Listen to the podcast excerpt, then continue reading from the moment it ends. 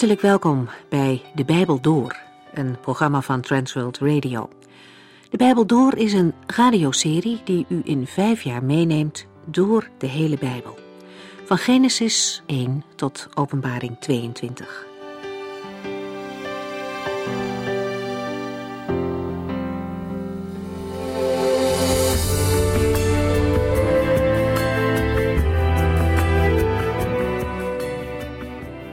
Boek Jozua. Daar hebben we in de vorige uitzendingen al een begin mee gemaakt. Misschien wilt u daarvan nog iets naluisteren. Dat kan via onze website transworldradio.nl. In de rechterbovenhoek vindt u dan onder het kopje Luister de link naar de Bijbel door. De eerste hoofdstukken van Jozua laten de voorbereidingen zien die getroffen werden om het beloofde land binnen te gaan. Jozua heeft zijn opdracht van de Heere zelf gekregen en hij gaat ermee aan de slag. Hij herinnert de andere stammen, die aan de andere kant van de Jordaan land krijgen, eraan dat ze zich niet aan hun verantwoordelijkheid mogen onttrekken. Ze gaan weliswaar in een rustig gebied wonen, maar ze moeten eerst hun volksgenoten helpen bij de verovering van het land. Je zou, als je het wat vrij toepast, kunnen zeggen dat de christenen die in vrije landen leven wel de verantwoordelijkheid hebben om de leidende kerk zoveel mogelijk te helpen. Voor de een is dat door er naartoe te reizen, de ander helpt mee door trouw te bidden. De leiders van de stammen uit het overjordaanse beloven Jozua dat hij van hen op aan kan. Ze zijn bereid om overal waar hij hen naartoe stuurt ook te gaan. Met zulke mensen is het goed werken.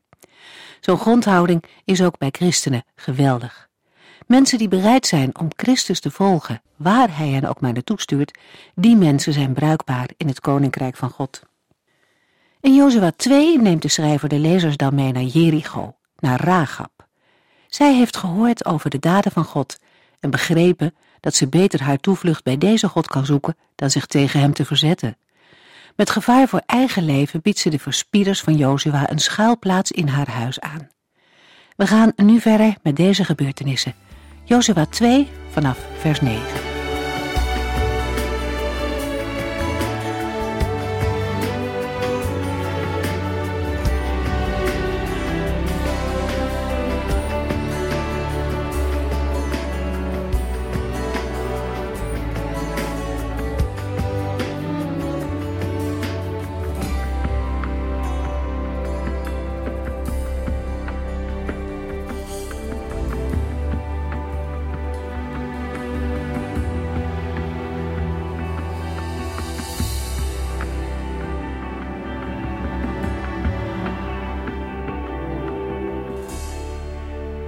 In de vorige uitzending hebben we gelezen hoe Ragab de twee verspieders geholpen heeft om uit de handen te blijven van de koning van Jericho. Terwijl de soldaten van de koning in alle eil op weg zijn naar de Jordaan om de spionnen te arresteren, gaat Ragab naar de twee mannen die ze heeft verstopt. Jozua 2 vers 8 en 9 Ragab ging intussen naar het dak om te praten met de mannen voordat zij gingen slapen. Ze zei: Ik weet heel goed dat u God mijn land aan u gaat geven. Wij leven in grote angst voor u. Alle inwoners van dit land zijn verlamd door angst en radeloos. Ragab geeft inzicht in de gedachten van de Canaanieten. Ze hebben al lang gehoord dat Israël het land aan de overzijde van de Jordaan is binnengetrokken. Het is bekend geworden dat Israël hun land gaat veroveren en de inwoners van het land geloven ook dat Israël dat gaat doen. Ragab zegt tegen de twee verspieders: Wij leven in grote angst voor u. Alle inwoners van dit land zijn verlamd door angst en radeloos. Luisteraar, ik kan me voorstellen dat een van u vraagt: waarom eigenlijk? Waarom zijn de inwoners van het land Canaan radeloos en door angst verlamd? Jozua 2 vers 10 Ragab zegt, wij hebben namelijk gehoord hoe de Heere voor u een pad door de Rietzee maakte na uw vertrek uit Egypte. En wij weten ook wat u deed met Sigon en Och, de twee Amoritische koningen ten oosten van de Jordaan, hoe u hun land onder de voet liep en hun hele volk uitroeide. Het is heel bijzonder wat Raagap hier zegt. Een pad door de Rietzee en uw vertrek uit Egypte. Hoe lang was dat geleden? Dat was veertig jaar geleden. Ook tijdens die veertig jaar had de Heere de Canaanieten de gelegenheid gegeven zich van hun gruwelen te bekeren en de Heere als de enige ware God te eren en te gehoorzamen. Hoe ik dat weet? Dat heeft de Heere tegen Abraham gezegd. Zijn nakomelingen zouden 400 jaar in een vreemd land wonen. Genesis 15 vers 13. Genesis 15 vers 16. De Heere zei tegen Abraham: Na vier generaties zullen uw nakomelingen hier terugkeren. Want eerder zal de slechtheid van de Amorieten niet het pijl hebben bereikt, waarop ik, de Heere, ze zal straffen. Toen was de genadetijd voor de Amorieten, die in het land Canaan woonden, al begonnen. Wat heeft de Heer een groot geduld met mensen, niet alleen met Israëlieten, maar ook met Amorieten. Maar het geduld van de Heer met de Amorieten heeft een grens. Als de slechtheid niet afneemt, maar stijgt, dan komt er een moment dat de Heere zegt: Het is genoeg. Dan is het pijl en het moment bereikt waarop de Heere de Amorieten zal straffen. De God van het Oude Testament is geen andere God dan die van het Nieuwe Testament, de God en Vader van de Heer Jezus Christus. Hij is niet de God die wreed en barbaars handelt met mensen die nog nooit van hem hebben gehoord. De Amorieten en ook de inwoners van Jericho hadden door de jaren heen genoeg gehoord over de grote daden van de Heere, van zijn macht, majesteit en kracht, hoe hij zijn eigen volk had bevrijd uit Egypte, hoe de machtige Egyptische farao, inclusief zijn tovenaars en magiërs, de macht van de Heere moest erkennen en het volk Israël moest laten gaan. Zelfs toen Farao het volk wilde terughalen en niet wilde buigen voor de Heere, beschermde de Heere zijn volk en gaf een pad door de Rietzee. Het was de weg naar de vrijheid voor de Israëlieten, maar de ondergang en het oordeel over de Egyptenaren. Zij verdronken in het water van de Rietzee. In het Nieuwe Testament is God niet veranderd. Johannes 3, vers 36. Wie zich aan de zoon toevertrouwt, heeft eeuwig leven. Wie de zoon ongehoorzaam is, zal dat leven niet ontvangen. Integendeel, de straf van God blijft op hem rusten. De Heer Jezus heeft de straf gedragen. Ieder mens die in hem gelooft, wordt, naar Gods belofte, niet veroordeeld. Johannes 3, vers 16. Een mens krijgt van de Heere één leven lang de tijd om zich tot de Heere te bekeren. Daarna is het te laat. Vandaag geldt dat geen mens zonder de Heer Jezus in de hemel komt. De Heer heeft de mensen meer dan genoeg tijd gegeven om zich te bekeren. Het is alleen de vraag wanneer de mensen naar het woord van de Heere gaan luisteren en het niet het ene oor in en het andere weer uitgaat. Jozua 2 vers 11 Geen wonder dat wij bang zijn. Niemand heeft nog de moed te vechten als hij dat allemaal heeft gehoord. Want uw God regeert als God boven in de hemelen en beneden op de aarde. De inwoners van Canaan hadden het niet alleen gehoord, maar zij wisten ook dat het waar was. De Heere zegt niet alleen dat Hij de Almachtige is, maar Hij heeft het ook laten zien. Bij zijn ingrijpen waren hemel en aarde betrokken.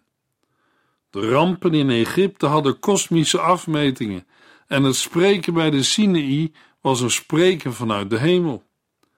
Dat spreken van God was niet alleen bekend bij de Israëlieten, maar ook bij de andere volken.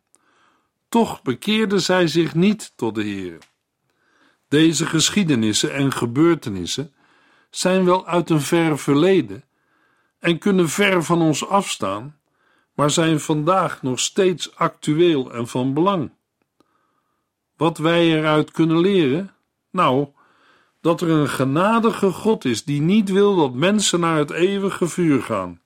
Matthäus 25, vers 41.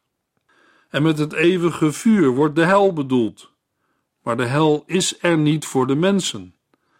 Helaas zijn er wel mensen die er terechtkomen, omdat ze Jezus hebben verworpen en de duivel en zijn trawanten zijn gevolgd.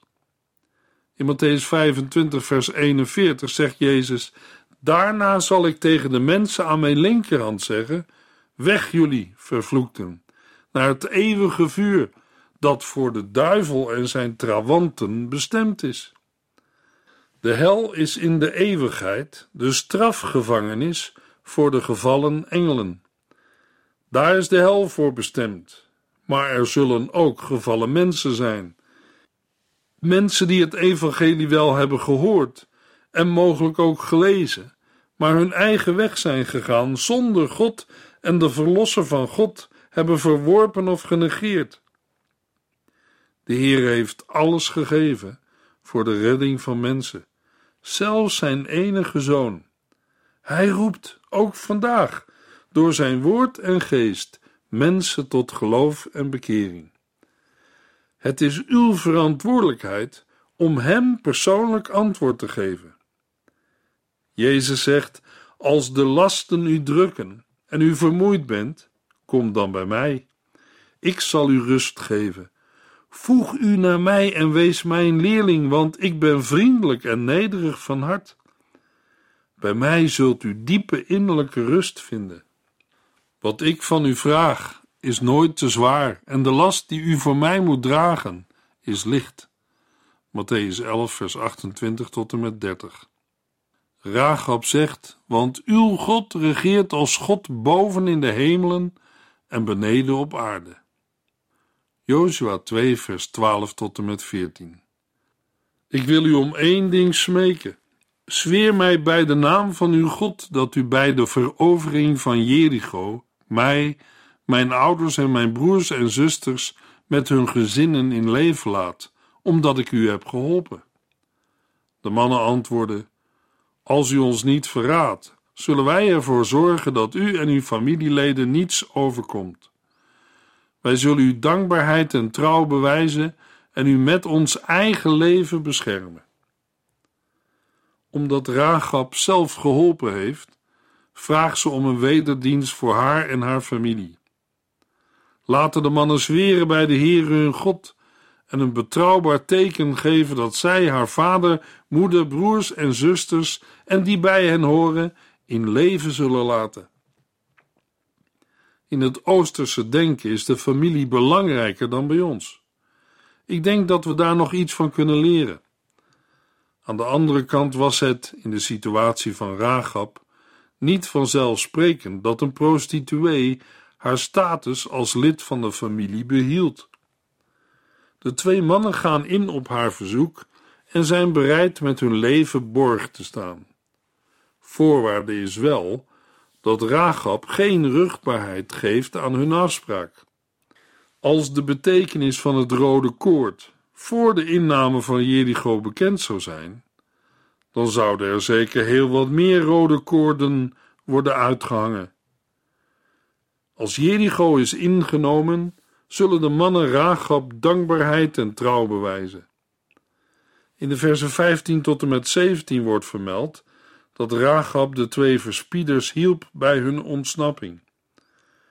Voordat zij gingen, zeiden de mannen tegen haar: We kunnen er niet voor instaan dat u niets overkomt als u niet bij de verovering dit rode koord uit het raam laat hangen. Zorg er ook voor dat al uw familieleden bij u in huis zijn. Jozua 2, vers 18. Ragab moet een rood koord aan het raam binden en haar familie in haar huis bij elkaar brengen. Als familieleden zich ergens anders bevinden, kunnen zij niet herkend worden en is het hun eigen schuld als zij sterven. Maar als ze zich in Ragabs huis bevinden, zijn de verkenners strafbaar als hen wat overkomt. Vers 20 herhaalt nog eens de voorwaarden van vers 14. Ragab gaat akkoord en laat de mannen gaan. Vers 21 vertelt: en zij hing het rode koord uit het raam. De geschiedenis wordt alvast verder verteld, waardoor dit deel wordt afgerond. De eigenlijke gebeurtenis zal pas later plaatsvinden. De mannen gaan naar het gebergte en blijven daar drie dagen, zoals Ragab hun had aangeraden. De achtervolgers zoeken overal, waarschijnlijk vooral in de buurt van de Jordaan, maar zonder succes. Vers 22. Jozua 2, vers 23 en 24. Toen kwamen de twee spionnen uit de heuvels, staken de rivier over en brachten Jozua verslag uit over wat er was gebeurd. De Heere zal ons vast en zeker het hele land in handen geven, zeiden zij, want alle inwoners zijn nu al vreselijk bang voor ons. Het verslag van de spionnen is heel anders dan het verslag van hen die veertig jaar geleden het land waren binnengegaan. Het is nu niet de vraag of zij het land wel of niet zullen binnentrekken. Ze gaan, want alle inwoners zijn nu al vreselijk bang voor hen. Dat was de boodschap die zij van Ragab hadden gehoord. Ragab handelde uit geloof en werd op die manier gered van de ondergang van de Kanaanieten, voor wie er geen beloften waren, zoals voor de andere volken. Ook vandaag is er genade en een nieuw leven mogelijk voor vrouwen die in de prostitutie vastzitten. Jozua 3, vers 1 tot en met 4. De volgende morgen, in alle vroegte, verlieten Jozua en het hele volk Sittem. Diezelfde avond bereikten zij de oever van de Jordaan, waar ze enige dagen hun kamp opsloegen, alvorens over te steken. Op de derde dag gingen enkele aanvoerders het kamp door en gaven de volgende instructies. Wanneer u de Levitische priesters de ark van het verbond met de Heer, uw God, ziet dragen, volg hen dan. Waar we heen gaan, bent u nog nooit geweest. Daarom zullen zij u de weg wijzen. Blijf echter ongeveer een kilometer achter hen, met een duidelijke ruimte tussen de ark en u. Zorg ervoor dat u niet dichterbij komt. De beschrijving van de overtocht door de Jordaan neemt twee hoofdstukken in beslag. De Heere geeft op wonderlijke wijze uitkomst en wil dat zijn daden in herinnering blijven, maar ook blijvend worden herdacht. Jozua staat morgens vroeg op en vertrekt met het volk van Sittem naar de Jordaan. Dat is ongeveer twee uur lopen. Na drie dagen van wachten en uitzien op de hoge waterstand van de Jordaan, gaan de aanvoerders de legerplaats door en geven instructies door van de heren. De Israëlieten moeten opbreken zodra zij de Levitische priesters zien met de ark. Er moet wel, uit eerbied, een afstand van bijna een kilometer worden bewaard.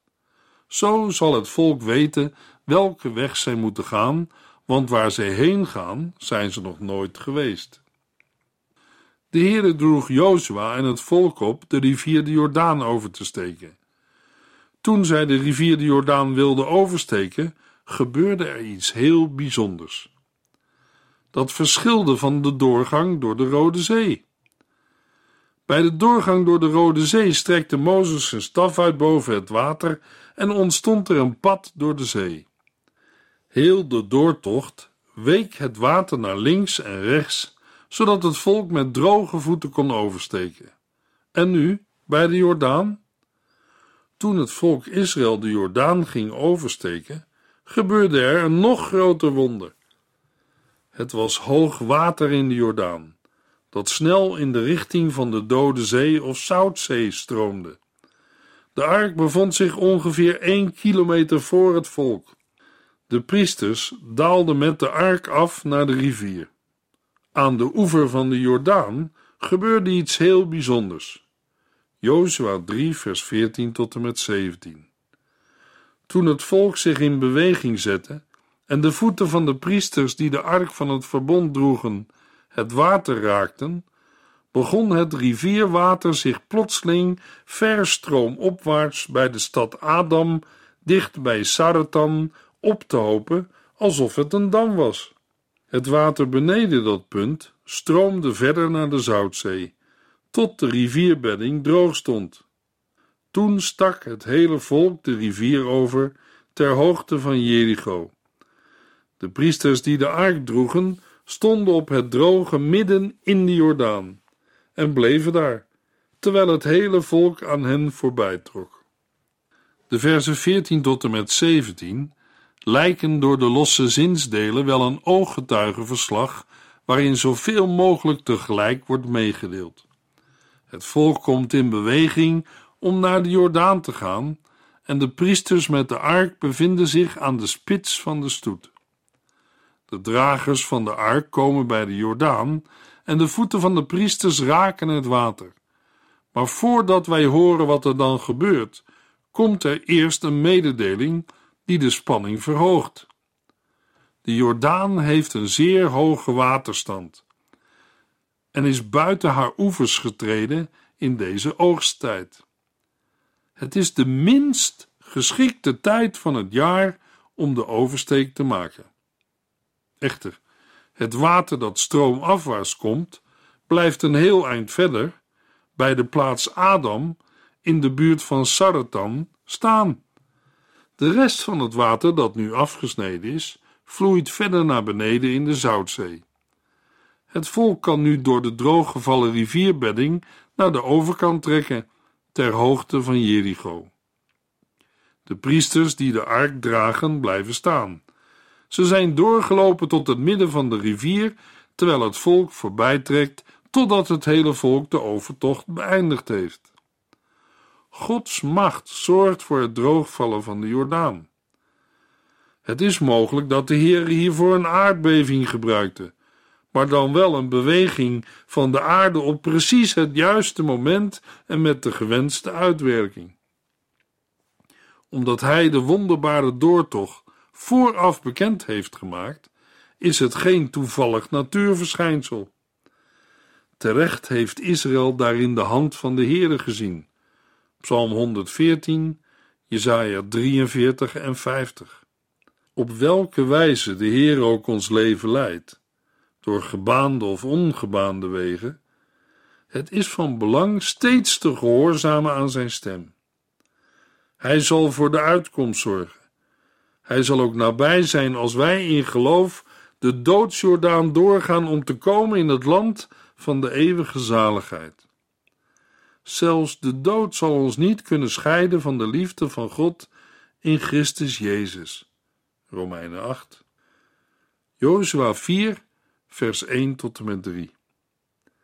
Nadat het hele volk aan de overkant van de Jordaan was aangekomen, zei de Heere tegen Jozua: Laten de twaalf mannen die werden gekozen voor een speciale opdracht, uit elke stam één, ieder een steen opnemen van de plaats waar de priesters in het midden van de Jordaan staan.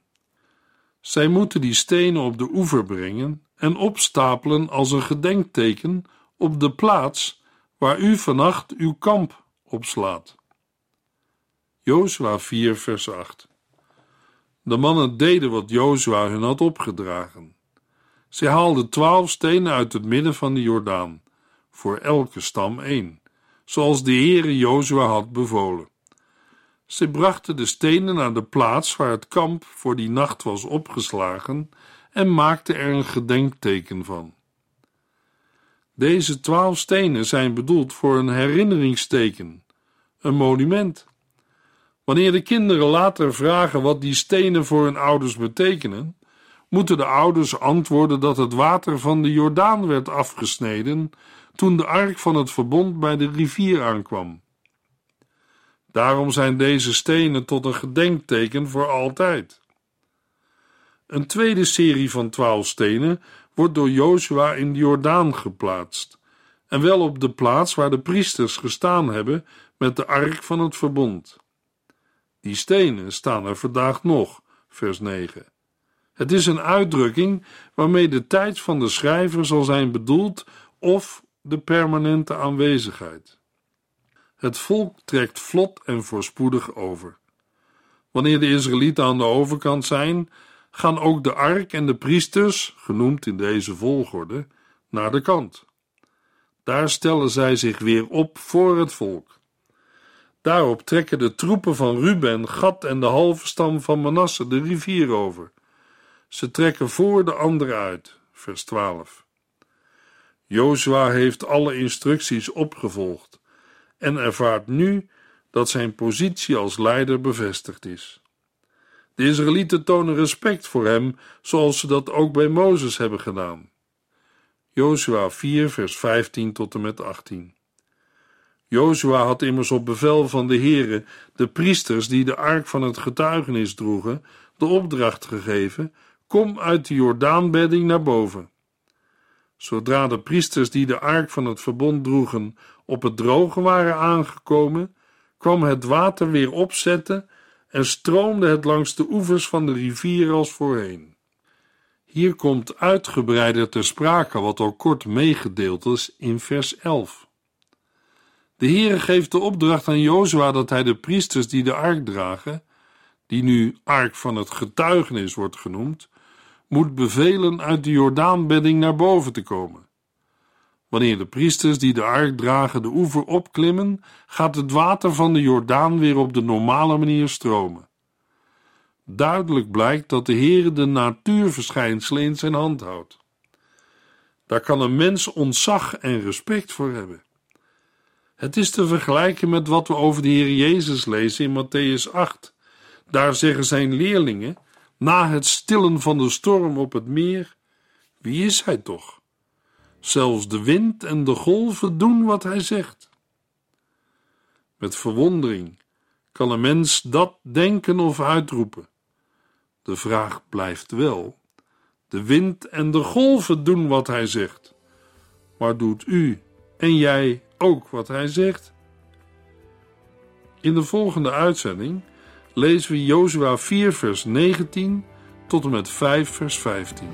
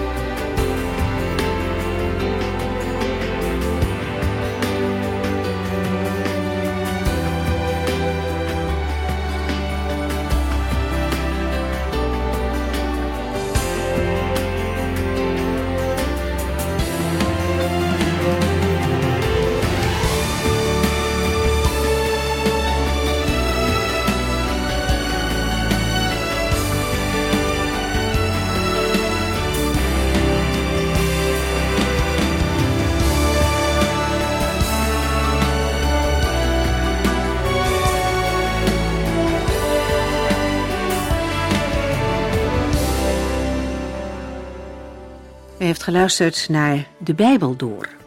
In het Nederlands vertaald en bewerkt door Transworld Radio. Een programma waarin we in vijf jaar tijd de hele Bijbel doorgaan. Als u wilt reageren op deze uitzending of u heeft vragen, dan kunt u contact met ons opnemen. Tijdens kantooruren kunt u bellen op 0342 47 8432. 0342 47 8432. 32. Ook kunt u een e-mail sturen naar de Bijbel door transworldradio.nl en natuurlijk kunt u ook via de post ons bereiken. TWR, postbus 371, postcode 3770, AJ in Barneveld. Dit programma werd gepresenteerd door Cor Weda en Ike André. Techniek was in handen van Odin van Woerdekom. En wij allemaal bedanken u voor het luisteren.